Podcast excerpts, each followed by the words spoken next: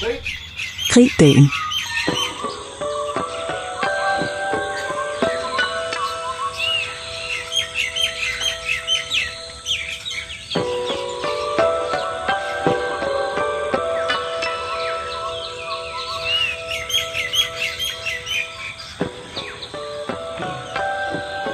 Gribdagen for mig er den underløbende.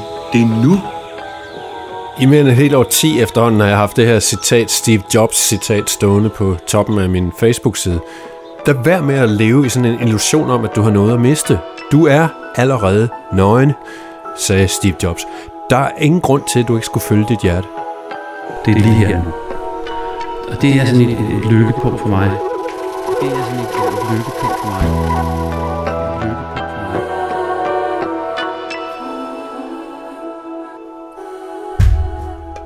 En ny episode af Gribdagen er under opsejling. Christian. Mik, godt nytår. Ja tak. Kom du godt ind i det? Det gjorde vi da i høj grad. Nu er det jo sommer i Australien. En herlig tid. Og så er der sket det der helt vidunderlige af den her samhørighed, der er mellem Danmark og Australien, nemlig, og nu kalder jeg hende Queen Mary og King Frederik. Det er jo helt sindssygt, at det er sket. Ikke? Har du som dansker indtil lagt mærke til det her? Jo, jo, jo. Altså, det kan man jo ikke. Altså, det har været tophistorie i alle nyheder. Så det har været svært at undgå, kan man sige. Der har også været kontrovers omkring det. Det danske flag har været op på nogle rådhuse, og det er der så nogle andre, der er blevet sure over, og så videre, så videre. Det er interessant at se, at Danmark er kommet på landkortet igen her i Australien. Ja, ja, men det er rigtigt. Og nu vi taler om det her med at blande, øh, nu taler vi så om to lande, men altså, der er jo også andre ting her i gribdagen. Øh, det her rum, vi nu øh, sætter os ind i, du og jeg, så blander vi jo faktisk mange ting sammen, altså både kultur, men også noget omkring videnskab og faktor øh, og alle mulige holdninger, som man har op imod hinanden. Gribdagen for mig er, at vi lige tager en pause i virkeligheden fra hverdagen og fra alt det sådan helt almindelige, og så snakker om nogle af de ting, vi ikke så tit fortalt om. Altså, og, og også nogle gange, jeg går ind og stiller nogle spørgsmål. Det, der driver os, kan vi da fortælle, hvis du er ny lytter til Gribdagen, det er, at vi, vi, vi er meget drevet af, af nysgerrighed. Ja, og nysgerrig på hvad? Altså, er det på livet? Er det på andre mennesker? Er det på, hvad der sker i den her lille klode? I, altså, nu siger jeg lille, fordi det, jeg taler lige i forhold til det der kæmpestore univers, vi er i. Som vi heller ikke er bange for at, hvad skal man sige, tale om og, og kigge ud i her i Grib Dagen podcasten. Men lad os se, hvad der sker, Christian. Den syvende episode af Grib Dagen er hermed sat i gang. Nemlig. Velkommen til.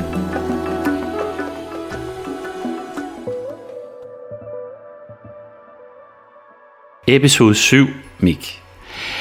Øh, hvilket betyder, at den tidligere episode hed 6, hvis man bare er sådan en lille smule logisk øh, tænkende. Og øh, som jeg kan huske, så var episode 6 jo way back i tiden.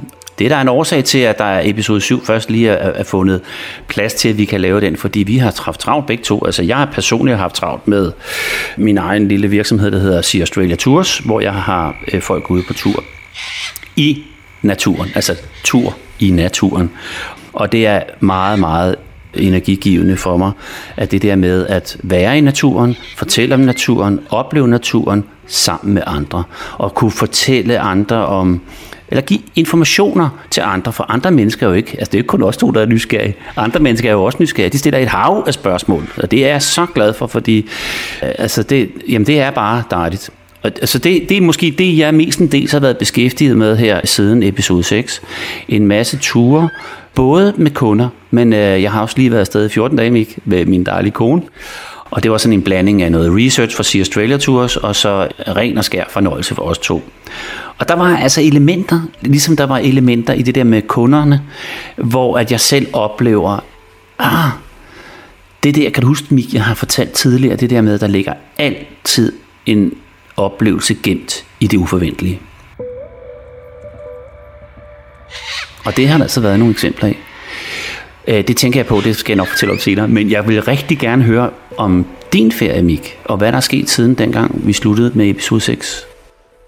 Jul er jo en travl tid, og så kommer nytåret, og for mig er nytåret altid øh, et højdepunkt på den måde. Det er der, man lige kigger både på, hvordan det forrige år løbe afsted, men også kigger frem, og måske et helt år frem, hvad skal jeg lave i det nye år, og, og skal jeg lave tingene på en ny måde, eller på en anderledes måde, og, det, og den slags. Og jeg elsker den der form for øh, refleksion, som nytåret altid giver hos mig. Jeg sender, I år fik jeg endelig taget mig sammen til. Der har, jeg har haft nogle år, hvor jeg ikke kunne tage mig sammen til. Jeg synes ikke, jeg havde noget nyt at fortælle, og jeg kunne ikke rigtig øh, komme op i gear til at sende sådan et fællesbrev ud til familie og venner og den der slags, som jo egentlig er en meget hyggelig tradition omkring øh, jul og, og nytår, at man lige sådan tager kontakt til alle dem, man ikke har noget at få snakket med i løbet af året osv. Det gjorde jeg så i år, og det viste sig, da jeg kom i gang med at sidde og skrive det, at der er jo en masse at fejre. Der er jo sket en masse gode ting, og der er også en masse at se frem til. Så øh, det var faktisk meget, meget opløftende, den måde, vi kom ind i det nye år på. Og så er det jo sådan, når det er sommer i Australien, så har vi skabt en lille tradition, mig og mine tre unger, med at øh, vi tager på campingferie. Og campingferie i Australien i en tid, hvor der er oversvømmelser og storme og vi ved jo alle sammen et eller andet sted godt, at det handler om klimaforandringer, men jeg skal love for, at det blev også et spørgsmål om overlevelse og natur, når man sidder i et telt, og det bare vælter ned i stil med, jeg tror, der faldt 10 cm regn på en time eller noget i den stil, og vand kom bare ind alle vejene fra. Ikke kun ovenfra, men også nedefra. Så det var lidt af en oplevelse, men i virkeligheden jo også øh, en forventelig oplevelse på den måde, at det er jo derfor, man tager på camping. Det er jo for at komme lidt tættere på elementernes rasen, når det er dårligt, men også når så dagen efter solen kommer frem, den blå himmel, og man kan gå ned til stranden igen og surfe og, og, og er kommet tilbage der, hvor, hvor tøjet tørrer, luftmadrasser og alt det våde sengetøj er lagt ud og, og tørrer i solen, så er livet pludselig måske dobbelt så godt. Fordi man har været igennem nogle strabasser, man kommer ud på den anden side, og nu kan man slappe af. Nu kan man virkelig gribe dagen, i essensen af, hvad det vil sige, og mærke, at man er i live, og mærke, at øh, man er en del af noget større, og alt den slags. Så Christian, det er sådan meget kort fortalt, det er sådan vores øh, sidste øh, 14 dage, 3 uger, hvordan de er gået. Altså, øh, værlig er jo værlig, og øh, naturen er naturen, og det, at det hænger jo totalt sammen. Det er derfor, det hele er så foranderligt.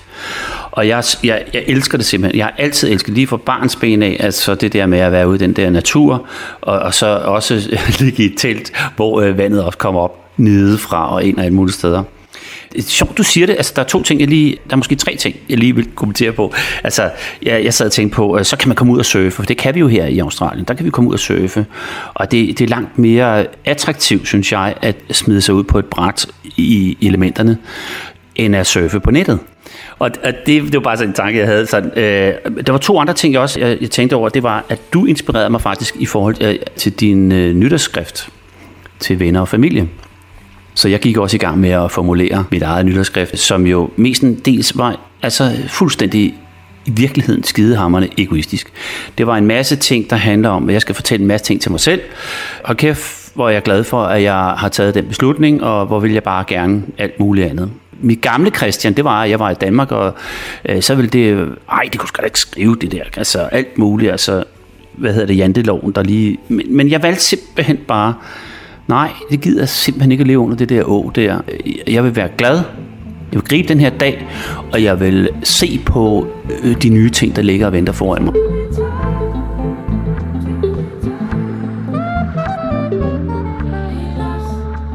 Altså du og jeg, vi talte sammen forleden dag omkring, åh, det er eddermame også bare fedt at være derude i den der natur, og så lige pludselig skal vi sidde foran en computer, og åh, man gider næsten ikke. Og det kan jeg bare mærke i mit liv. Altså ja, ja jeg er øh, uddannet inden for den verden, og jeg elsker teknik og sådan noget. Men det andet er bare federe, for at sige det rent udsagt. Så det står der i, i mit øh, nytårs, øh, jeg vil lige vil sige forsæt, men altså den her, øh, øh, simpelthen inspireret af for dig. Ikke? Og så den der ting med, øh, jeg lagde mærke til, at du sagde det der med, øh, når man er på camping, så er elementerne, altså vandet, flooding. Og, jeg, og her er det jo, altså jeg kan godt grine i dag, når jeg, når jeg hører folk i Danmark, hvor jeg selv jo har, har været helt stort set mit liv. Nu er der en storm, og det er helt af helvede til, og det er sindssygt. Og hernede, der, der sker det jo fra den ene dag til den anden, det ved du jo lige så godt som mig, at så har vi bushfire, så har vi en storm, og så er der havl, og så er det, og når vi taler altså flooding, så er det flooding. Altså det er virkelig meget vand, ikke? Som er en naturlig del. Men der er jo selvfølgelig sket øh, helt sikkert, og det skal vi være absolut sikre på med klimaforandringerne.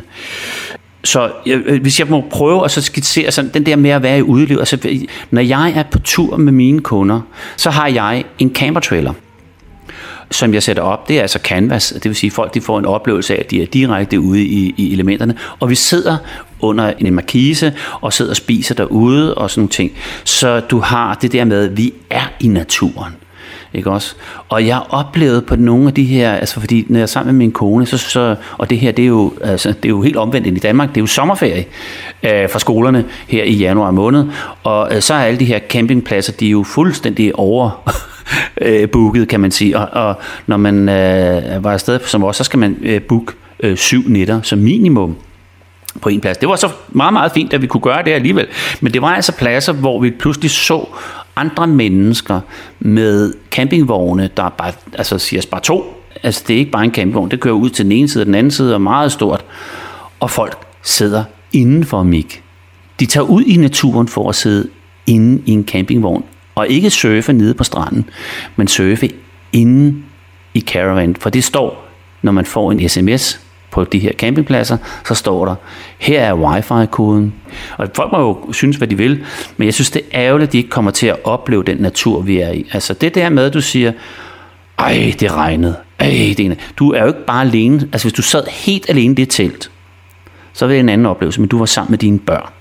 Så der er et eller andet med, at der er nogle af dine børn, der øh, reagerer, tænker jeg, er anderledes end andre af dine børn, og siger, øh, det er bare, kan vi ikke bare, og kan vi ikke det og det andet.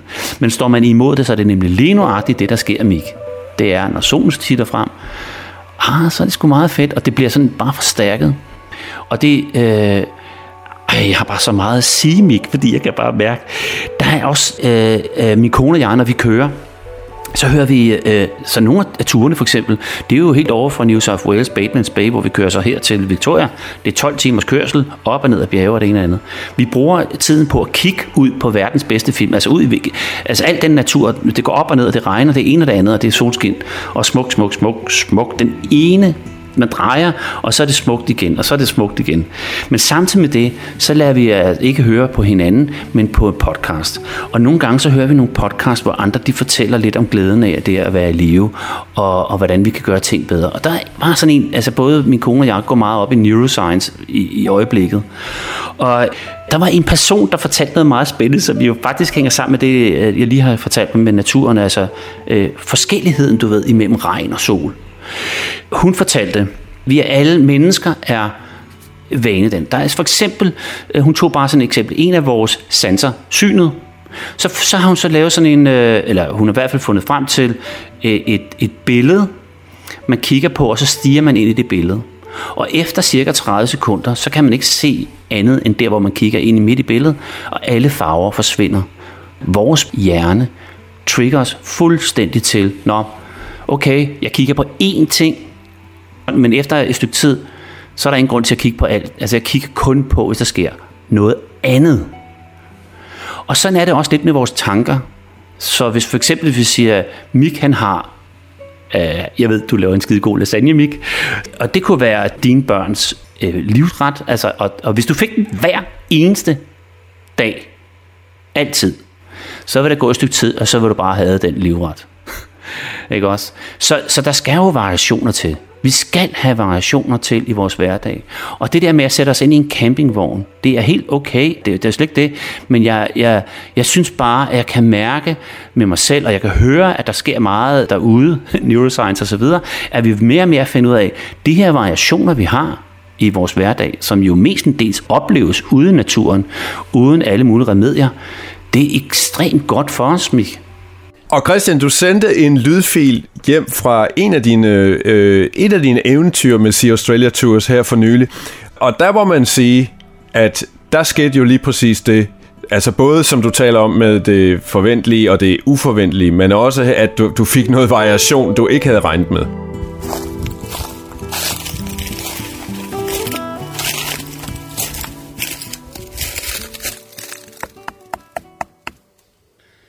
Det jeg står og banker på, det er et virkelig smukt gammelt eukalyptustræ.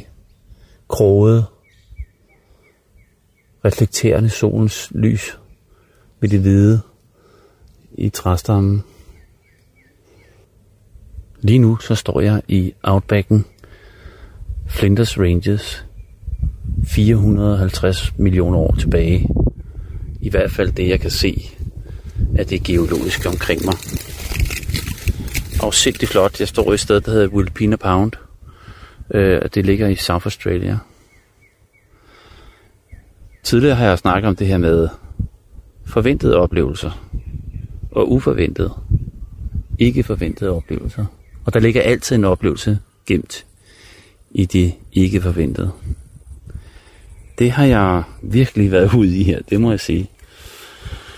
Øh, jeg er på tur med Sea Australia Tours. Jeg har en kunde med, og øh, jeg havde den her lyst til at give en oplevelse til den her kunde, der handler om at virkelig komme ud. Altså virkelig komme ud i Outback. Fordi der er bare det der med, når man er i Outback. Der er højt til himlen, der er lange vider, og der er natur og kun rå natur.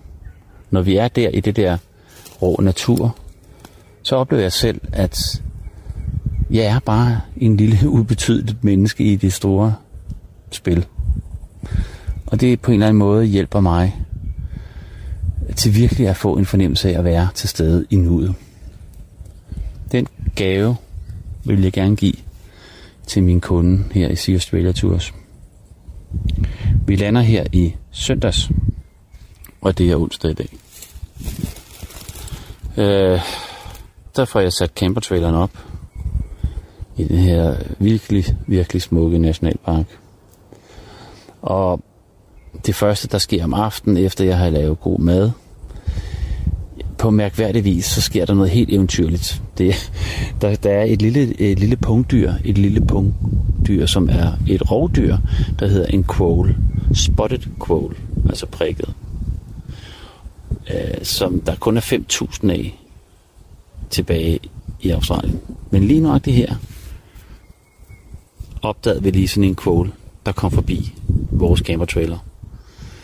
Og der fik øh, Kai, min kunde, en oplevelse, som han synes der var helt fantastisk. Det var som ikke så meget til ved det der, at der var en quoll til stede. Det var mere det, at Christian han blev afsindigt passioneret omkring det. Øh, det var også en oplevelse for min kunde. Det sad vi og snakkede om, og på et tidspunkt så gik jeg ud, og så tog jeg fat i lygten, og så tænkte jeg, nu vil jeg lige gå rundt og kigge, hvad der ellers er. Og noget mærkeligt skete. Noget uforventeligt. Jeg var så, ja, jeg vil næsten sige, euforiseret over at øh, se de her spændende dyr, at jeg glemte at kigge på, hvor jeg gik. Og jeg faldt. Jeg faldt på sådan en måde, at jeg fik hudafskrabninger, og det gør man jo. Men øh, da jeg gik i seng der ved midnat, så kunne jeg godt mærke, at der var lidt øm ved ribbenene. Og øh, næste morgen, da jeg vågnede op, så, så, så havde jeg det afsindigt ondt. Nu er vi jo, som jeg siger, outback. Der er langt til civilisationen. Og jeg tænker, det vigtigste her, det er også for min kunde, at der er styr på det.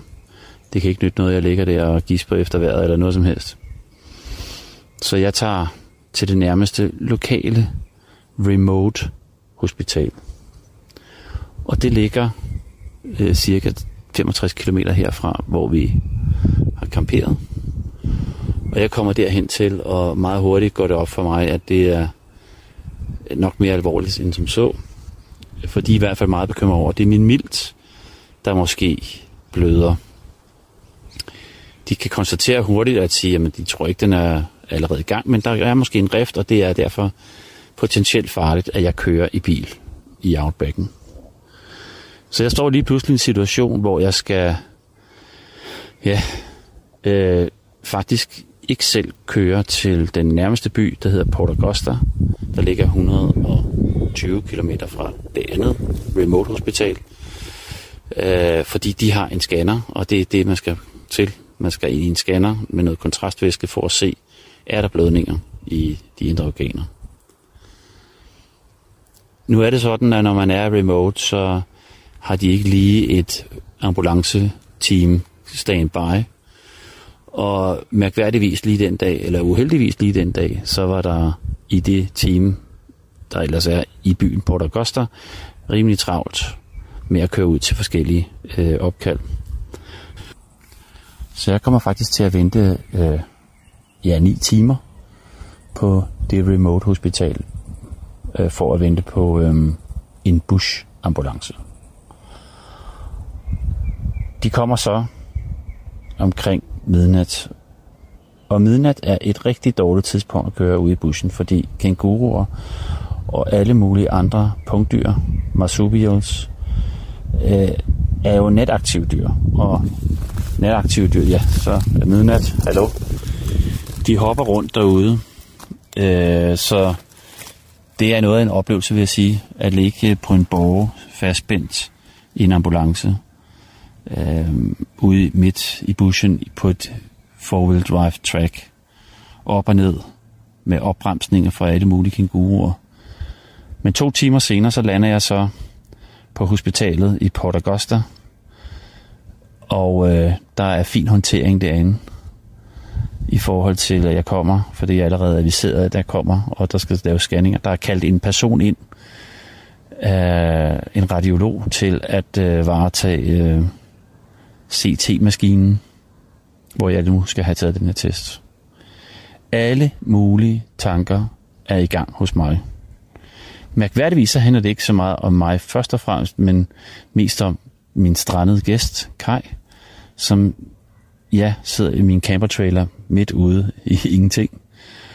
Og en bil, der er 60 km fra ham ved et remote hospital, som desværre også indeholder hans medicin. Han er diabetiker. Og øh, de tanker ligger så jo og rumler i mit hoved i forhold til den logistik, der ligger i at øh, skulle få det til at matche. Det er jo fuldstændig sindssygt, det her. Øh, men jeg kommer på hospitalet, jeg kommer igennem CT-scanningen, og jeg får at vide af en læge, nu skal du tænke på, Christian, der er flere scenarier. Første scenarie, som er den værste. Hvis det viser sig, at, at der er kommet en rupture på milten, så skal jeg på det, der hedder ICU, altså intensiv afdeling, og det findes ikke i Port Det vil sige, så skal jeg flyves til den nærmeste storby, og det er Adelaide, som ligger 500 km fra min kunde. så det ville ikke være perfekt. Øh, altså selvfølgelig ville det ikke være perfekt i det hele taget, med, med, hvis det skete med mig der, men, men lige det, det var først og fremmest det, jeg tænkte på. Lægen fortsatte så at sige, jamen så kunne der være noget andet også. Det, det var, at der var ikke en rupture på milten, men der kunne så selvfølgelig være nogle andre øh, scenarier, der kunne komme i spil. Og så den allerbedste scenarie, det vil være, at der jo ikke var noget galt, at det bare gjorde ondt på grund af slaget. Det, der sker, det er jo, at jeg så bliver henvist til en afdeling, og får en rigtig fin behandling. Det her det er et rigtigt hospital øh, i forhold til remote hospitalet. Og det, det, der, der, det er ligesom man kender i Danmark, kunne jeg forestille mig. Hurtig afvikling, øh, scanning gik jo meget, meget stærkt, øh, men vi vil afvente svar, fordi det er midt om natten, så de læger, der skal, der skal aflæse øh, resultatet af scanningen, øh, de læser det så faktisk øh, fra England af, af en eller anden årsag, som jeg ikke lige spurgte længere ind til. Men øh, det viser sig, efter jeg kommer over på afdelingen og ligger der og, og blev øh, øh, fået det, som man skal have normalt med et, et tag omkring armen og, eller hånden, hvad hedder det, håndledet. Og så nu kommer der lige en flyvemaskine over, kan jeg. Der, de har også øh, nogle services her, øh, hvor man kan se det her vidunderlige, smukke natur, som der er her ved at tage sådan nogle små flyvemaskiner over. Anyways, det der sker, det er faktisk, at øh, gudskelov kommer lægen ind og siger, Christian, nu skal du høre her, der er ikke sket noget med milten, men du har brækket et ribben. Og jeg, altså, jeg synes bare, det er fantastisk, fordi det betyder rent faktisk at blive udskrevet. Og nu skal jeg så finde den næste løsning. Det er så, hvordan kommer så øh, hen til bilen, som er 120 km fra hospitalet. Og jamen altså, det er jo bare sådan, at øh, hvis man smiler lidt til andre, det ene og andet, og, og, og, og, og, og giver sit ønske ud, så kommer der noget tilbage. Og i det her tilfælde, så var der en af sygeplejerskerne, der rent faktisk på det her hospital, var en sygeplejerske, som bor i den by, hvor det remote hospital er. Og øh, hun, skulle, hun har jo sådan noget, der hedder fire dages vagt, så hun er fire dage derinde, og så har hun sig hjemme i fire dage. Så hun, øh, hun siger, det er fint, så, kan, så jeg, kører, jeg kører der jeg kører der hen til Hawks, som er byen, hvor min bil øh, står ved det der hospital. Så det var fantastisk. Det, var en meget smuk tur, men det hold da kæft, det gjort, fordi det er en bumletur, det er four-wheel track, og det kan man godt mærke, når man har et brækket ribben. I hvert fald ender det helt godt. Jeg er allerede tilbage på pladsen øh, efter et døgn i, med den her oplevelse.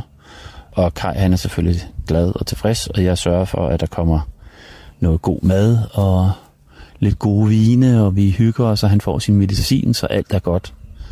Og så vågner jeg så op her til morgen med meget mere ondt, end jeg lige havde forventet. Men det er jo så det, man kan forvente, når der er øh, øh, et brækket ribben. Men jeg tror bare, det jeg vil sige, altså der er sgu oplevelser gemt i alt muligt. Og i hele den her tur, jamen så kan jeg jo vælge at se, det hele er noget lort. Eller jeg kan vælge at gøre det, som min kone hun anbefaler, én ting ad gangen. One step at a time. Og det gjorde jeg. Og det gjorde, at jeg faktisk fik mulighed for at være opmærksom på nuet og de mennesker, der var omkring mig. Fordi det er jo faktisk ret spændende det her. Der er nogle mennesker, der vælger at bo helt remote. Der er nogle mennesker, der øh, som er et meget specielt samfund og et meget specielt mennesker. Og dem snakker jeg så med. Øh, jeg vil ønske, at jeg havde overskud til det i, i, i, i selve nuet, at kunne tage min telefon frem og interviewe dem, øh, eller optage dem, fordi jeg interviewede dem faktisk. Jeg spurgte dem om en helvedes masse ting. Og det var det, der var min gode oplevelse. Fordi hvordan er livet herude? Det fik jeg faktisk overskud til også at få at vide. Og øh, jeg fik også spurgt i den der to timers kørsel i busambulancen, hvad er det for noget, der gør, at man er frivillig? For det er frivillig, der vælger at være ambulancekører herude i bussen. En anden ting, som er effekten af mit lille uheld med brækket ribben, er, at øh, normalvis så skulle jeg jo så køre på nogle four-wheel drive tracks langt ind i nogle bjergeområder, som er enormt smukke og har meget, meget flotte udsigter. Og der er også selvfølgelig også mulighed for at se noget wildlife. Det kunne jeg ikke. Jeg kørte de første 10 kilometer og, og, og, og måtte simpelthen øh, sige til øh, min kunde, Kai, det her det går ikke, fordi øh, øh, jeg kunne mærke, at jeg blev dårlig. Og, og jeg fik jo også lige øh, tænkt mig om, at det der med, at der er et brækket ribben og køre på bumlede veje, absolut ikke er det bedste. Så øh, vi tog en beslutning om sammen, at øh, det var fint at køre tilbage til pladsen, og der er vi så nu, hvor jeg så har mulighed for at lige at, at indtale det her. Og det, der også skete sådan lige inden, det er jo så også en uforventet oplevelse, når nu vi alligevel skulle have været ude, og alt det her ikke kunne lade sig gøre. Jamen, så sidder vi så ved vores camper-trailer, og øh, jeg prøver at gøre det så fint som muligt med, med noget godt mad og drikke, og slappe af og nogle gode snakke. Så midt i det hele, så kommer emo-far med sin emo-unger forbi, og vi ser diverse wildlife komme forbi, lige præcis hvor vi sidder. Så igen, der er masser af oplevelser i det uforventelige.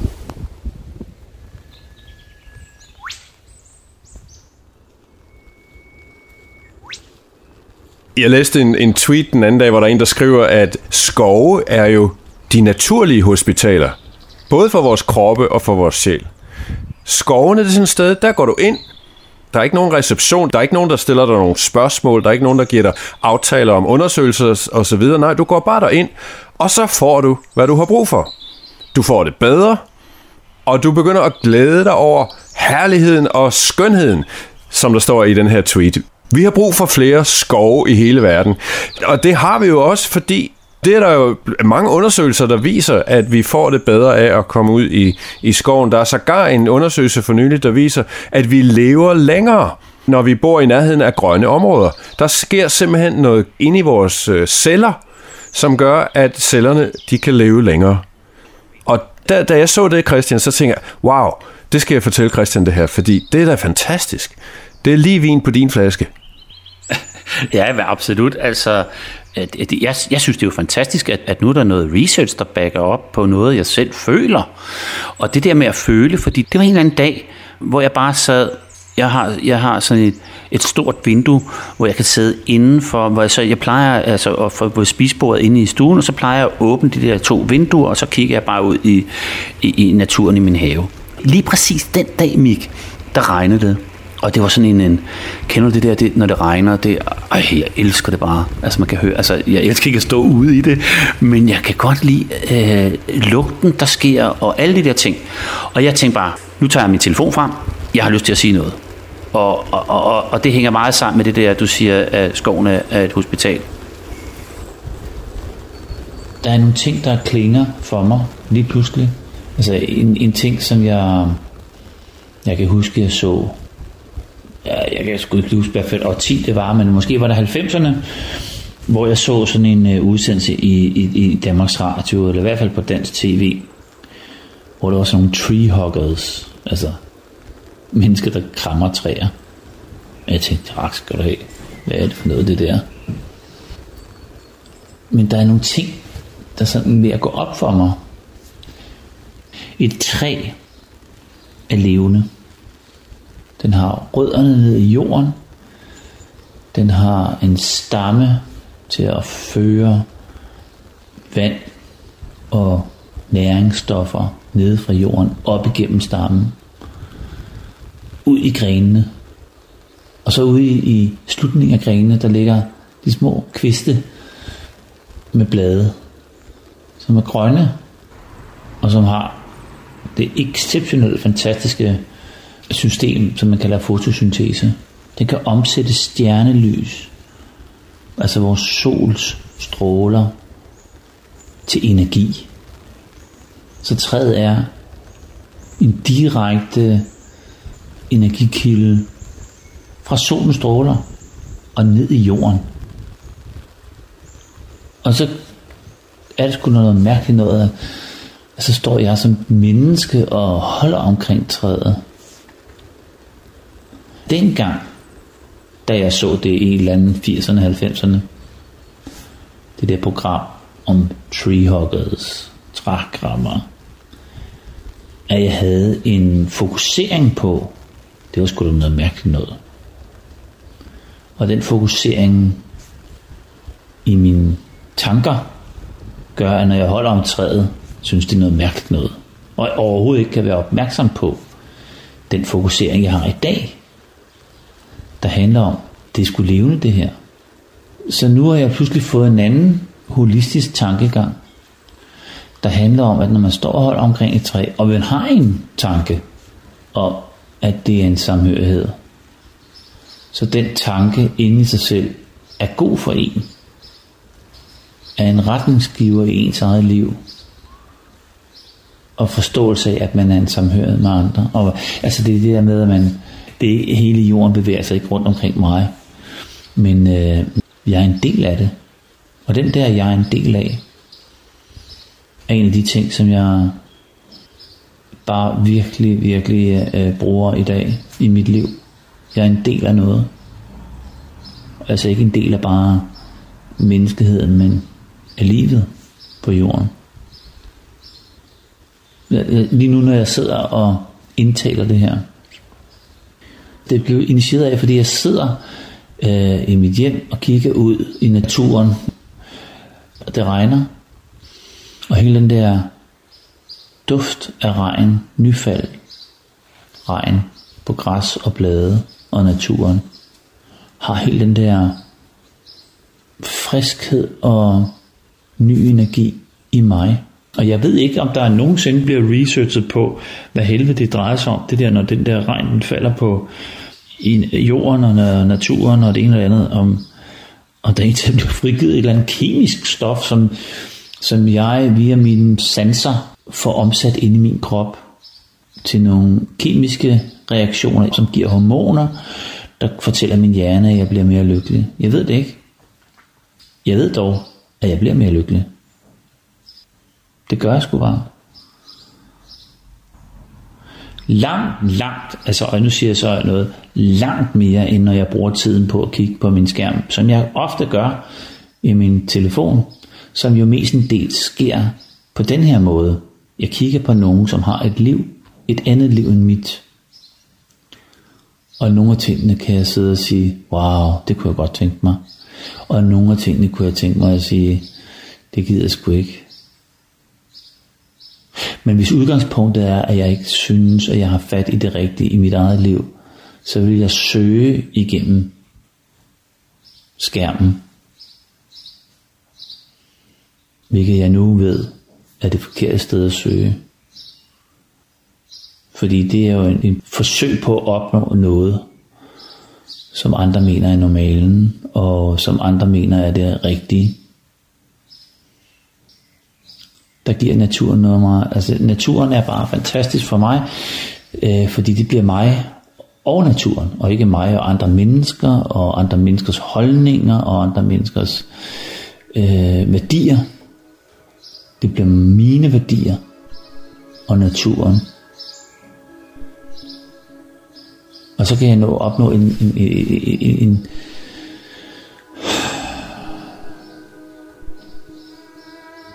større fred med mig selv.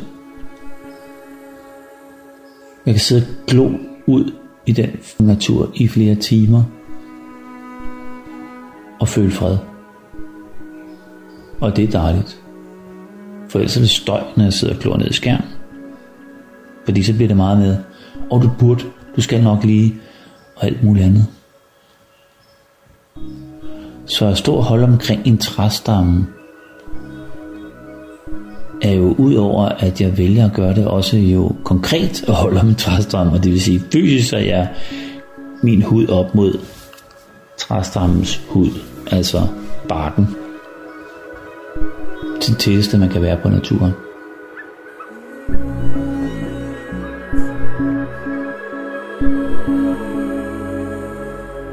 Det er jo super vigtigt, at vi forstår, at vi ikke bare er, hvad skal man sige, os selv, men at vi i den grad jo hænger sammen med resten af verden. Helt ned til, at vi jo er sådan nogle omvandrende zoologiske haver med alle de bakterier og andre væsener, der jo lever inde i os. Bakterier og virus og svampe, som lever på os og inde i os. Og at vores sundhed og vores velvære også er afhængig af, at vi har et, et godt forhold for alle de der mange tusind forskellige mikrober og andre øh, væsener, der lever inde i os. Og lige udenfor, kan man sige, altså stadigvæk i vores nære univers, der er der jo også en masse insekter omkring os. I hvert fald i det hus, hvor jeg bor, er der mange insekter, der hele tiden... Jeg, jeg lever sådan lidt i en form for, man kan sige symbiose, men også en form for konflikt. Fordi der kan komme for mange af dem. Altså her taler jeg om myrer og myg og bier og, og æderkopper og den slags. Og der, der kan jeg mærke, at der er begyndt at ske noget i mit liv, hvor jeg flytter grænserne lidt for, hvordan jeg plejede at tænke om insekter. Af flere grunde. Men en af dem er det der med, at jeg er begyndt at føle en eller anden form for samhørighed med dem.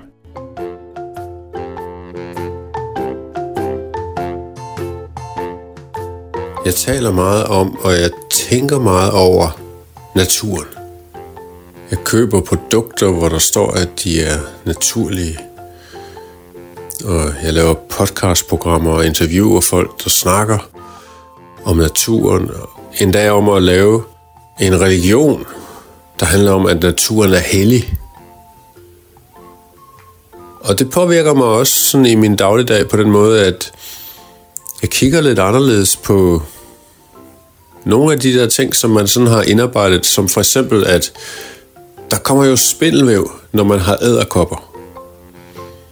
Og ude i mit badeværelse, der har jeg nogle vinduer ud mod haven.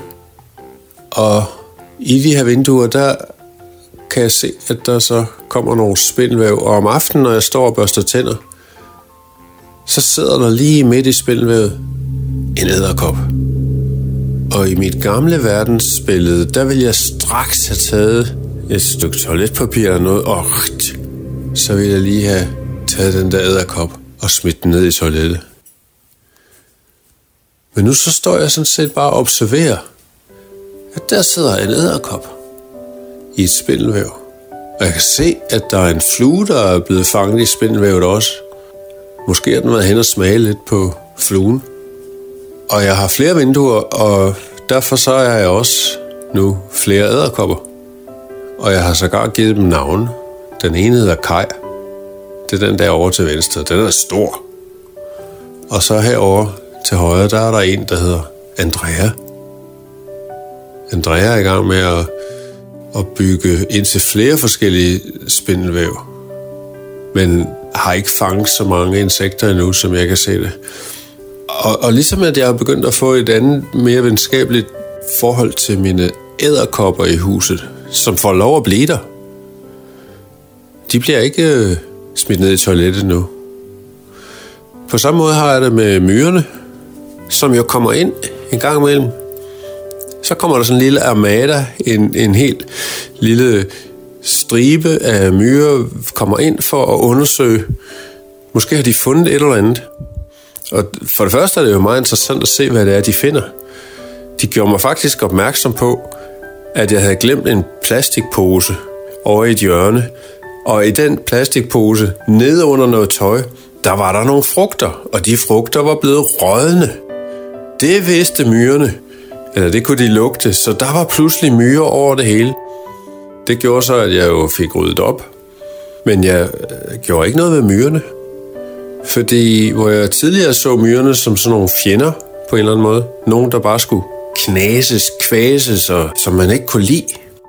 Som jeg på en eller anden måde ikke ville have, skulle komme ind i mit rene badeværelse eller køkken. Der har jeg det nu sådan, at jeg ser lidt mere myrerne som en del af økosystemet. De kommer for at rydde op. De kommer for at fjerne noget, der er ved at gå i forrådelse. Og det kan man jo så set ikke klage over. Så hvis man begynder at se dem som sådan nogle små hjælpere, der kommer for at gøre rent, hold da op. Altså, og det er på den måde, at mit verdensbillede langsomt ændrer sig i forhold til det der med, at man begynder at se naturen som en ven. Selvom at man, som jeg i hvert fald, har fået det ind på rygmagen, at man skal se æderkopper og myrer og, og bier og den slags som sine fjender. Nej, de er vores venner og vi skal værne om dem.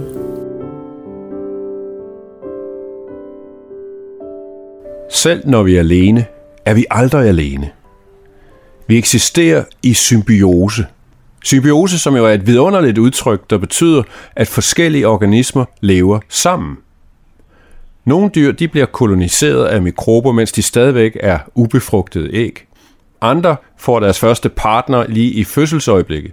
Og derefter så fortsætter vi gennem hele vores liv i samhørighed. Når vi spiser, så gør de det også. Når vi rejser, så kommer de med. Når vi dør, så fortærer de os. Hver eneste af os er en omvandrende zoologisk have i sin egen ret. En koloni omsluttet af en enkelt krop. Et kollektiv af mange arter. En hel verden, skriver forfatteren Ed Young i en bog, der hedder I Contain Multitudes, The Microbes Within Us and a Grander View of Life. Det, at vi er mennesker, er jo i virkeligheden, at vi er noget, der er større end os selv. Vi er mere, end vi tror. Vi er jo også bygget op af atomer, der er lige så gamle som universet faktisk. Og så alle de her celler, som vi jo består af, vi tænker ikke over det, men hvert eneste sekund, så skaber vi inde i vores krop 25 millioner celler. Så når vi taler om os selv som jeg, hvem er jeg egentlig? I virkeligheden er vi jo sådan nogle omvandrende planeter. Kroppen, menneskekroppen, er lige det at være en planet. Med alt det liv, du lige beskrev. Jeget, det er sindet. Det er forståelsen af en selv. og fremdriften i forhold til, hvad man skal gøre, og hvad man ikke skal gøre.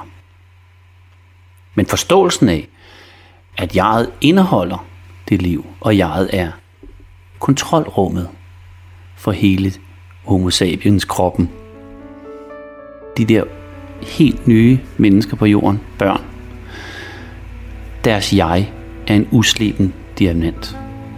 Og så forældrene kan gå ind og sige, hvad, skulle det ikke være lidt nysgerrig? Skal det ikke lige gøre det? Og undervejs så bliver den her diamant slebet og slebet og slebet. Og jeget kan så med den understøttelse, der ligger i, at det er helt okay at bevæge sig i alt det der, og med viden, altså simpelthen den viden om, at inden i en selv, det er, et økosystem i sig selv, og, og jeg er del af en økosystem. At finde jegets eget mening med livet. Og finde ens egen evner og passion i livet. Fordi når man først har fundet den gave, man har, for alle har den, det skal bare lige, lige slibes lidt histen og pisten, som nogle gange man selv gør, så er det, at man kan give det til andre. Så det, altså forstår du, hvad jeg mener? En ting er det her, hvis du går helt ind i det, som du meget, meget fint øh, læste op for Ed Young. Øh, der er en masse ting, som jo øh, måske ikke lige på den måde har en bevidsthed om, at, at, at dit øh, hylster skal virke, som det skal. Din tarme, de træder det ud og alt det der. Men du har da en bevidsthed om, altså jeg har en bevidsthed om, hvordan du så ellers skal øh, begære dig i verden omkring dig. Og der synes jeg, det, det kunne være rart, at vi alle sammen øh, fik bare sådan en, en tyrkertro på. Jamen altså, hele meningen med livet er at finde sin egen gave, evner og passion for noget, og derefter så er formålet at give det videre. For det gør altså at verden til et bedre sted. Altså, så du ved, så er vi væk fra, at det er bare mig. Øh, og jeg synes ikke, den der insekt er noget, og jeg synes ikke, den der ukrudt er noget, eller det der menneske hører jo ikke til, og du har de holdninger, og vi har polarisering og alt muligt andet. Så tingene udvikler sig jo nogle gange. I dag så råber min søn ud fra toilettet, Far, far, kom. Mens han sidder på toilettet, så kan han høre, der sker eller han op i vinduet. Der er en sommerfugl, der flapper med vingerne, og det viser sig, den er blevet fanget i Kajs spindelvæv. Og han kan se, at, at Kaj er på vej, altså den lille sorte æderkop er på vej ind for at æde den her sommerfugl. Og her kommer jeg så, og jeg har en stol med, så jeg kan komme op og nå, og jeg får fat i sommerfuglen, tager fat i dens vinger og får den ud, og den flyver op over huset. Og så tænker vi, ej, det var godt, vi reddede den sommerfugl. Og nogle minutter senere, da vi er på vej ud til bilen, så sker der jo noget helt fantastisk. Fire sommerfugle danser i luften, som om det var en koreografi. Og, og de, de ligner alle fire den samme sommerfugl, som jeg lige havde reddet. Så må ikke det var en af dem, der har mødt sine tre venner, og så fejrer de livet, og at den er kommet fri af spindelvævet. De flagrede rundt, og pludselig var de væk.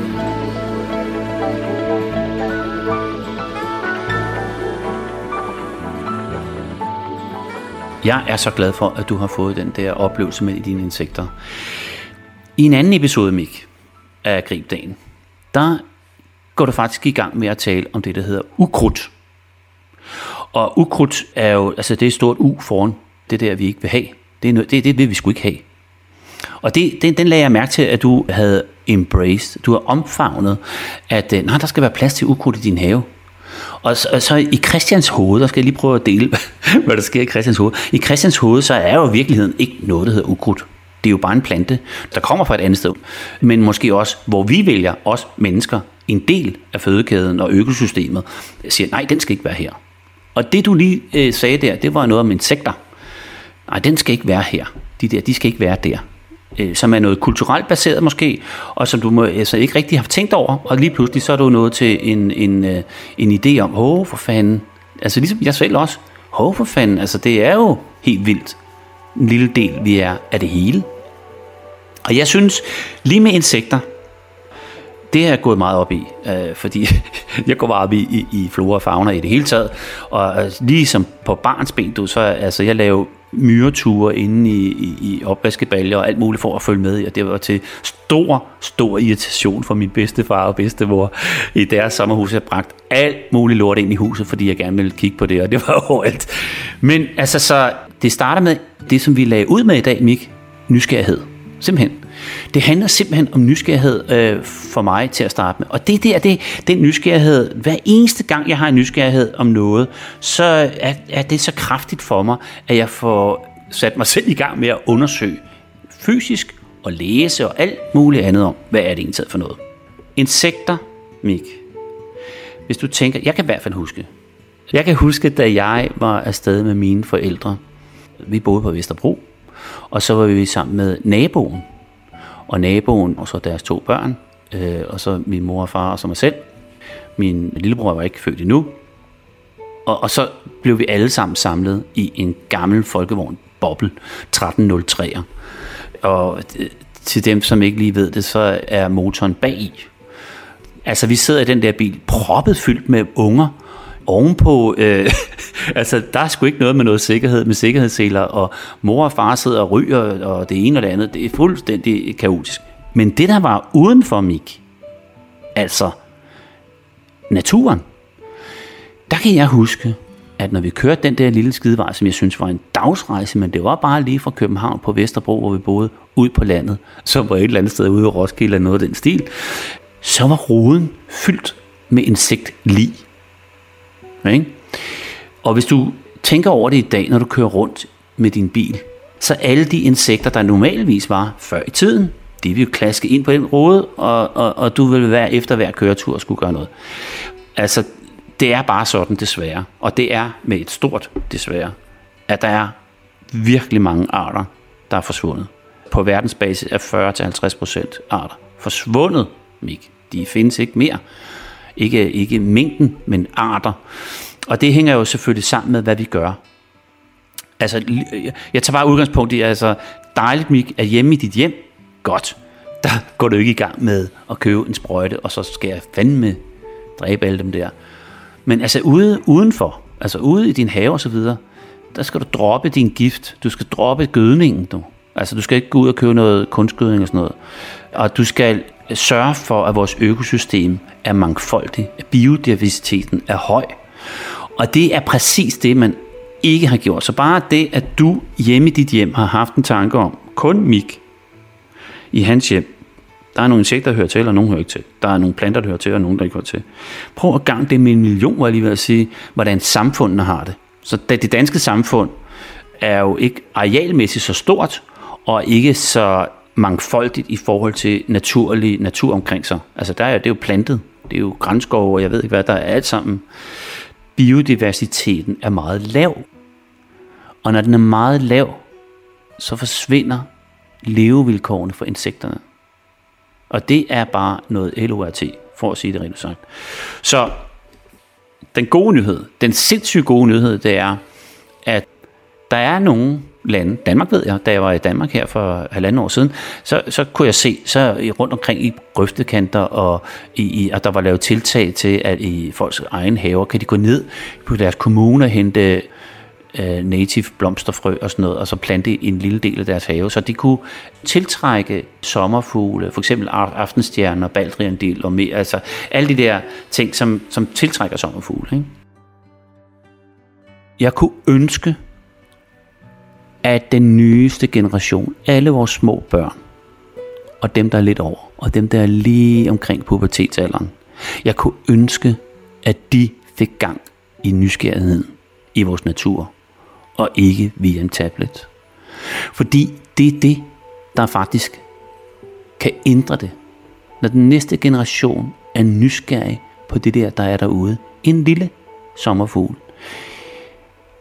En mariehøn, kan du huske, at vi havde sangene til at understøtte, at der var noget? Marie Høen evig glad. En snegl på vejen, der er tegn på regn i Spanien, og så videre. De der ting, det er meget, altså det, at vi har noget kulturelt, noget sprogligt, noget automatisk øh, videregivelse til at opfordre, understøtte nysgerrighed i vores nyeste generation.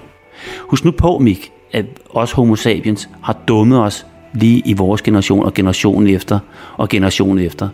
Men den er jo lige til at rette op på. Altså det, fordi det, jeg kan love dig for, du kan sikkert se det. Det kan du fortælle mig lige om lidt. Du kan sikkert se det på dine børn, at når du hiver dem ud på camping, når du først lige har overgået det der med, at det regner det ene og andet, jamen så sker der bare noget. Altså det ligger helt dybt i os mennesker, at det der natur er hospitalet. Det er fuldstændig rigtigt. Altså en af de ting, der sker, er jo, fordi man bliver revet væk fra sin hverdag, så er man faktisk mere der, hvor man griber en ny form for dag. Eksempelvis begynder at spille kort. Måske fordi nogle gange, at om aftenen, jamen altså, så er der lidt mere ro. Øh, det er i hvert fald den eneste gang i et helt år, hvor vi har siddet og spillet kort. Og hold op, hvor vi grinede og havde det sjovt. Det skulle man ikke tro, men det var faktisk rigtig, rigtig sjovt. Altså, som man siger, vi har kun det sjov, man selv laver. Vi har kun det sjov, vi selv laver. Der er rigtig mange unge mennesker, der har det sjovt. De sætter i gang med en komiker, der siger et eller andet. Altså det er sgu lidt farligt, at vi ligesom kotter de her elementer, der handler om, hvordan vi er sammen med andre mennesker.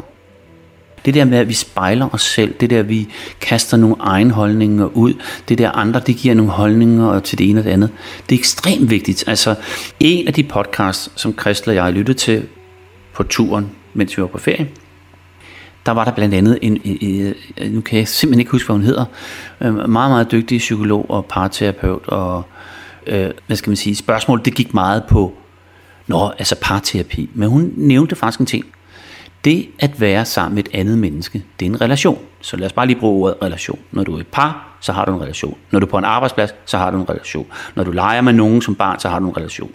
Alle de her ting, det er bare relationer. Og relationer er ekstremt vigtige i forhold til at være sammen med andre mennesker, men især også til at øh, bygge nogle sociale skillset op og forståelser for verden og forståelser for, hvordan vi skal, altså ikke polarisering, altså alt andet end polarisering faktisk.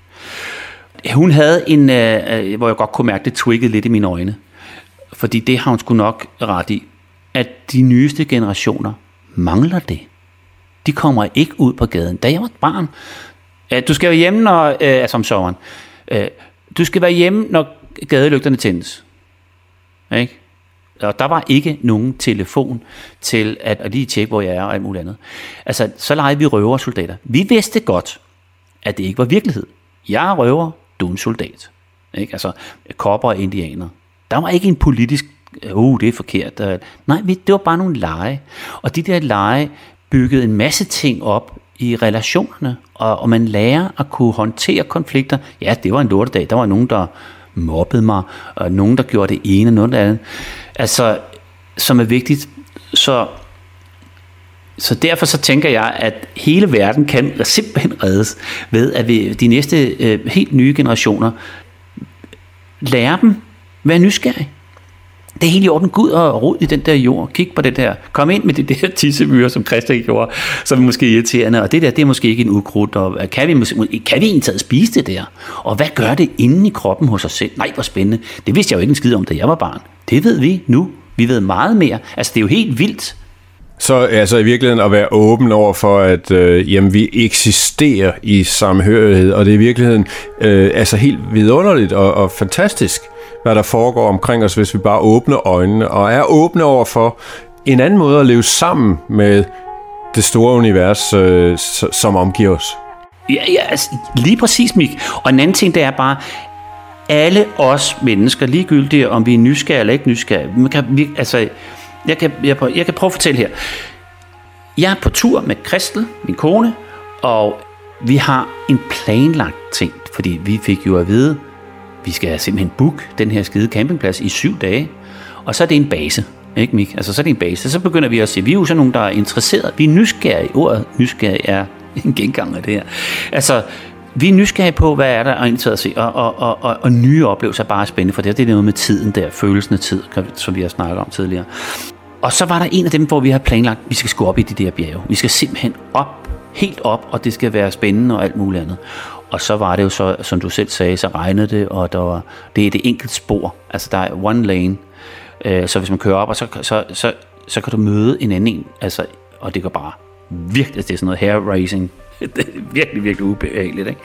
Og det, det tænkte vi, nej, det gør vi ikke, det tør vi ikke. Der er der jordskred på nogle af vejene, og altså, det var simpelthen for farligt at køre det op. Vi gjorde simpelthen noget andet den dag. Det var ikke noget, vi havde planlagt. Så vi sagde, nej, vi tager sgu på en af de der river cruise både, der er nede i Lakes Entrance, som det hedder, det hvor vi var. Og, og det er sådan en masse indsøer, og man tager afsted, man kan så se sæler og delfiner og en masse fugleliv, pelikaner og ørne og sådan noget. Det, der skete inden med mine øremik, det var, at jeg fik sådan nogle glimt. Altså simpelthen, fordi jeg har været afsted sammen med Kristel og, og, og vores datter, alle mulige steder, og har været på river cruises, altså virkelig ude altså på Amazonflod og så videre, hvor det har været meget, meget interessant. Og det var jo noget helt andet, det var meget kulturelt det her. Men, men så den her tur, kan man sige, jeg kunne vælge at kigge på den og sige, hold kæft, hvor er det kedeligt, mand, altså et, et eller andet. Men jeg valgte simpelthen at se det som en, en portal ind til mine minder, som jeg har med min kone og min datter, med alt det. Og jeg sad og græd, og, og det gjorde jeg over lykke, øh, over at, at vi havde gjort det. Altså, vi, vi, det, det er noget, vi havde oplevet. Og så kom jeg til at tænke på en ting, Mik, at der er så mange, og jeg er så ked af det over det, der er så mange, der venter med at rejse. De siger, det gør vi, når vi bliver gamle. Så, så rejser vi. Og det er en ting, jeg altid har tænkt over, det er, jamen det kommer nok ikke til at ske, fordi så bliver du syg, eller øh, du har ikke lyst, og du, altså der kan ske alt muligt. Men der var en ting, jeg ikke tænkte over før, lige der, hvor jeg var så heldig at have den portal til minderne med min datter. Nemlig, at hvis man venter med at rejse til, når man går på pension, så mister man oplevelsen at rejse med sine børn. Relationen med sine børn via de oplevelser er ekstremt spændende og hyggeligt, og jeg er så lykkelig for at have dem.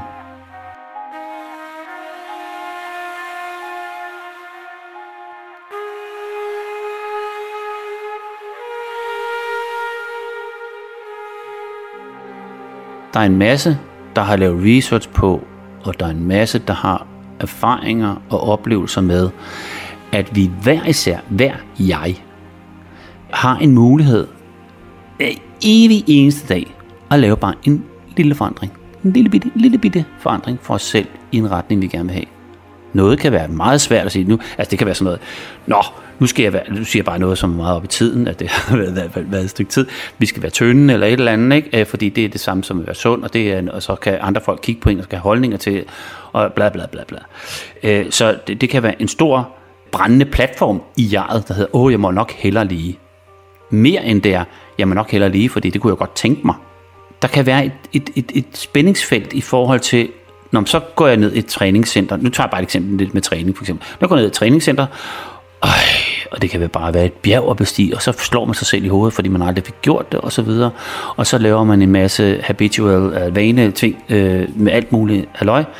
Men det jeg så siger, det er, hver eneste dag kan vi bare sige, Nå, men altså, jeg skal sådan set, det eneste jeg skal i dag, det er sådan set bare gå rundt om mit hus, hvis man kan det, eller, eller gå ned og så sige, nej, nu går jeg sgu bare hen til supermarkedet, eller hvor jeg, altså, bitte små forandringer hver dag, det har videnskabeligt øh, baseret viden på øh, og fakta, at det har rigtig meget at sige. Og så bliver det lige pludselig, hvad kender du det der logaritmisk, så er det ikke bare sådan en, en lineær ting. Når du først gør det, nej, okay, så, så kan du godt puste dig selv lidt med, nej, nu gør jeg sgu lige det der også. Så gør jeg sgu også lige det der. Og så gør jeg sgu også lige det der. Og det er alt sammen noget, man fortæller sig selv. Altså jeget. Der er mange ting i tilværelsen, som er lidt præcis som en flyvemaskine. Der er mange ting, jeg faktisk sammenligner med, at det er take-off, der er den, den svære. Det er hele det der med at få løftet flyvemaskinen op i luften. Fordi når, den, når flyvemaskinen først når en vis højde, så bliver det meget, meget lettere. Og så er der det, der hedder cruising altitude, hvor det bare kører af sig selv, nærmest. Så det er take-off, der er det svære. Det er så også svært at lande igen. Men, men øh, den der analogi med flyvemaskinen, den kan man bruge i rigtig mange sammenhænge, synes jeg. Fordi at det minder en om, at det er begyndelsen, der er svær. Vi har jo faktisk et, et ordsprog i Danmark, hvor man siger, at al begyndelse er svær. Øh, og hvis man husker det der med, at det er take-off, der er det svære, og der kommer et tidspunkt, hvor så kører det bare, så gør det faktisk også take-off lettere jeg laver sådan en lille øvelse mange gange, der handler om, at vi alle sammen, altså vi alle sammen, uden undtagelse, har nogle værdier. Så spørger jeg, nå, okay, så du bliver glad ved det. Hvad betyder det så for dig, at du er glad ved det? Jamen, så giver det, så, så, så, så giver det mig frihed. Nå, okay, hvad, hvad betyder frihed for dig? Og, og så, så fremdeles. Og det, der i sidste ende altid ender med, det er, at så sidder de tilbage med nogle stærke, stærke værdisætninger for dem selv, som er i talesat. Hørte du? I talesat. Det er kommunikation. Det er et sprog. Vi finder nogle ord, som vi siger til os selv i det sprog, vi nu taler. Det er min værdisætning. Og det bliver en værdisætning, der er meget, meget kraftfuld. Og den værdisætning, den, når du har først har fået klarlagt den, så kan du faktisk tage de der skridt. Du skal finde steder, hvor den værdisætning er inde i det. Altså, jeg kan faktisk godt se, at hvis jeg går i gang med at gå en tur omkring huset, så, så kan jeg mærke øh, noget luft, der kommer ned i, i, i mine lunger, og jeg kan se nogle andre ting end det, når jeg sidder oppe i min lejlighed, øh, hvor jeg måske kan hænge fast i nogle tanker. Nu kommer jeg ud, og så får jeg nogle nye input. Den, altså det er bare 10 minutter, jeg går ud, og så... Jeg, jeg er ikke hypnotisør, men jeg kan i hvert fald i tale sætte et scenarie for folk, om at de kan følge den op i deres hoved, i tankerne. Og på den måde, så kan jeg hjælpe folk med at føle, altså mens vi sidder ned, vi er ikke i gang med at gøre det, så kan de komme i gang med at tale om deres følelser, hvad det giver dem, og til sidst så ligger det i deres værdisætning. Og det i sig selv er så stort, at det er begyndelsen, dit take-off i din flyvemaskine, som jo faktisk er, er benzin til det næste. Helt automatisk, det kommer af sig selv, fordi det, det, det der sker, det er jo det så mærkeligt. Nu sagde du det her med øh, bakterier og alt muligt andet, der foregår i den kroppen. Men der er også en kemifabrik inde i kroppen hos os, der laver alle mulige hormoner og alt muligt andet, som bare er det reneste lykke, altså du ved, ikke? Som jo er den, jeg kalder benzin, som du automatisk bare får lyst til. Nå, ja, det, så kan jeg sgu da lige så godt gøre det. Altså, det, der er ikke nogen tvivl mere.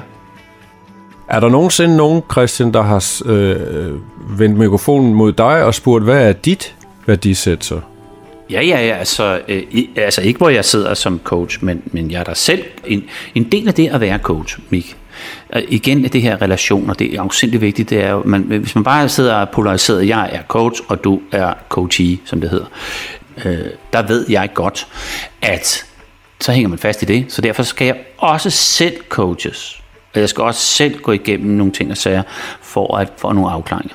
Så jo, jeg er selv, altså faktisk hele min rejse i forhold til det her med coaching, og i forhold til faktisk at være i Australien, og alle de ting, der, der nu øh, er, er, er, er, er jeg glad for, det startede faktisk med, at jeg har været helt nede, og øh, var igennem noget coaching, altså jeg er helt nede, altså noget depressionsmæssigt stress og sådan noget, øh, som blev afsættet til, at jeg gik igennem en coach, hvor jeg fik afklaret mine værdisætninger. Nu skal jeg lige huske at sige, så jo, det har jeg, Mik, men det der i det, det, man kan ikke bare gå ind og sige, øh, i 2005, der gjorde jeg det, og så er det mine værdisætninger. Nej, vi er dynamiske, vi er afsindigt foranderlige hele tiden, konstant. Hvis jeg opholdt mig et sted isoleret fra omverdenen, i lang tid. Så i den tid, jeg var der, så vil mine tanker forblive det samme, og så derfor min værdisætning vil være det samme. Men fordi, at jeg er et menneske, der bevæger mig i, i den her foranderlige verden, med, med alt, hvad der foregår, natur og mennesker og alt muligt politiske ting og sager, hele tiden foranderligt, så vil jeg flytte mig i forhold til det.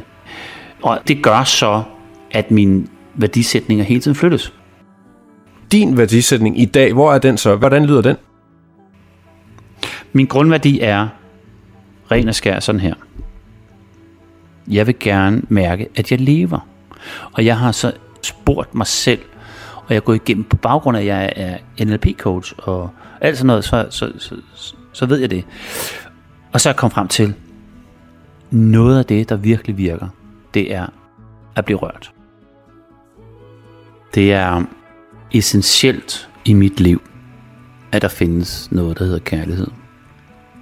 Og kærlighed, altså følelsen af kærlighed, Det er simpelthen, altså, og den, den, kan, den kan jeg altid øh, chunke ned til alt muligt, så hvad det er egentlig er.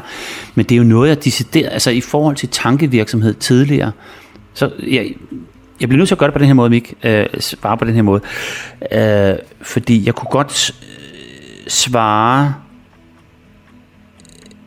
med det, der hedder en præcis forklaring med, hvad der sker tankemæssigt. Men jeg vil i stedet for svare til det, der er sket fra dengang, hvor jeg lavede min værdisætning dengang til nu, at nu er det følelsesmæssigt. Nu er jeg meget mere i mine følelser, end jeg var dengang. Jeg var meget mere i mit hoved i forhold til det. Så mine følelser er, jeg bliver meget hurtigt rørt, og jeg elsker at blive rørt, fordi når jeg bliver rørt, og jeg tror, jeg har nævnt det tidligere i en af vores gribdagen, det er, at jeg nogle gange, når jeg synes, jeg har det hårdt, så leder jeg efter et sted, hvor jeg kan sidde og græde. Jeg kan ikke gøre det på kommando, så jeg finder nogle steder, hvor jeg kan komme til det, og det var det der med musik og, og nogle, nogle film og den slags ting. Men værdisætning for mig er, jeg vil gerne røres, og så det er hovedsætning for mig. Så hvordan kan jeg blive rørt? Kan jeg så sige derefter. Hvis jeg gerne vil opnå det, hvor jeg føler bare den der, åh, oh, hvor er det dejligt. Altså den der, oh, hold da kæft, hvor dejligt. Så ligger der jo masse ting nedenunder, som er opgaven for mig. De der små mikrosteps, jeg skal til. For nogle af dem er svære at få fat i, og nogle er nemme. Men alle sammen er jo nogen, hvor jeg bare, fordi jeg er vedtaget, det kommer til at ske. Hvis jeg bare gør en lille smule, så kommer det til at ske. Der ligger altid en oplevelse gemt i det uforventelige. Det er en, en meget, meget stærk ting for mig nu, som jeg opsøger. Så jeg opsøger konstant, hvor jeg har mulighed for det. jeg er ikke noget, jeg sidder og arbejder i IT og sådan noget, men, men når jeg er ude at rejse og sådan noget, så, så prøver jeg at opsøge det uforventelige. Et batteri eller et køleskab, som jeg skal have med på ture, som er essentielt, når jeg er med på ture, det virkede ikke. Det gik i stykker. Og så kan jeg vælge at sætte mig ned på min røv og sige, fuck! Men jeg vælger nu, Mik. Det er det, der er sket. For jeg vil gerne røres. Så jeg vælger faktisk at sige, Nå ja, hvad kan det ikke bringe med sig? Jeg skal måske i gang med at snakke med en masse mennesker, og jeg skal hen til en, en uh, reparatør, og, uh, og jeg skal bare, det er sådan, som jeg gør, Mik. Jeg fortæller historie til reparatøren, og han fortæller tilbage, og så har jeg en fest ud af det. Og det er ikke engang løgn. Jeg får simpelthen bare så meget tilbage ved at tænke på den måde. Men alt sammen værdisætning er, jeg vil gerne røres. Jeg vil gerne mærke, at jeg lever. Altså sådan en stærk følelse, som er, at der bare er et eller andet kemisk og fysisk i mig, og biologisk og alt muligt, jeg ved ikke, hvad for ord jeg kan sætte på, som bare simpelthen gør, nej, det snurrer sig i min hals, så jeg kommer til at græde. Det er eddermame lige op, right in your face, om at jeg føler, at jeg griber dagen. Og der er ikke særlig langt længere i mit liv imellem mit følelse, hvor jeg kigger på noget, og til at jeg kan begynde at græde. Og det, det er noget, jeg har tilladt mig, for det er bare så dejligt. Og jeg gider ikke at stå til, jeg gider ikke at, at du er ikke en mand, eller hvad fanden det ellers er. Jeg gider ikke det der, som du, du kan høre, det har jo så været en del af mig, siden jeg nævner det, at der, der ligger nogle øh, kulturelle ting i det. Øh, jeg gider det ikke. Så øh, værdisætningen, jeg vil bare være mig selv. Og alt det, Mik, det er det, der det er vildt fede ved det, det er, jamen, så bliver jeg jo glad, så bliver jeg et godt menneske. Så kan jeg bagefter, fordi jeg er der, helt automatisk give energi til andre mennesker, og inspiration til andre mennesker. Jeg kan få inspiration tilbage, øh, for det er jo sådan, det foregår. Altså, jeg elsker at få inspiration fra alle mulige mennesker. Og så lige pludselig, så, så kan jeg gå i seng om aftenen og så tænke, det var en dejlig dag.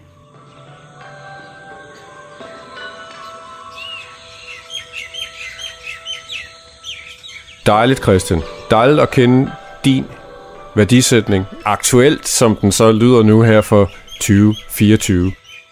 En af grundene til, at der kan gå længere tid nogle gange mellem vores podcast, det er jo fordi, vi er sådan nogle mennesker, der ikke bare prædiker, at man skal gribe dagen. Vi er jo selv ude og gribe dagen. Og det foregår ikke foran en computerskærm, det foregår tit ude i det virkelige liv, og ikke mindst ude i naturen. Og jeg glæder mig, Mik, fordi vi har en aftale om, at en eller anden dag, så er jeg i din øh, baghave, hvor du arrangerer et eller andet dejligt smoothies, eller hvad det nu ellers kunne være. En grøn smoothie, som jeg faktisk stadigvæk laver hver eneste dag.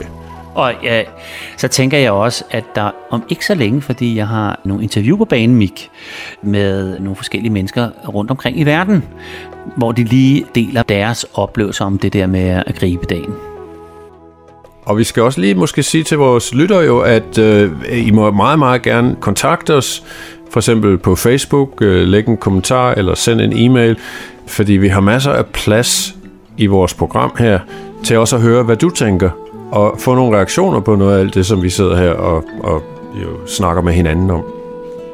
Så indtil da, husk at gribe dagen og grib det uforventelige. Der ligger altid en oplevelse i det uforventelige.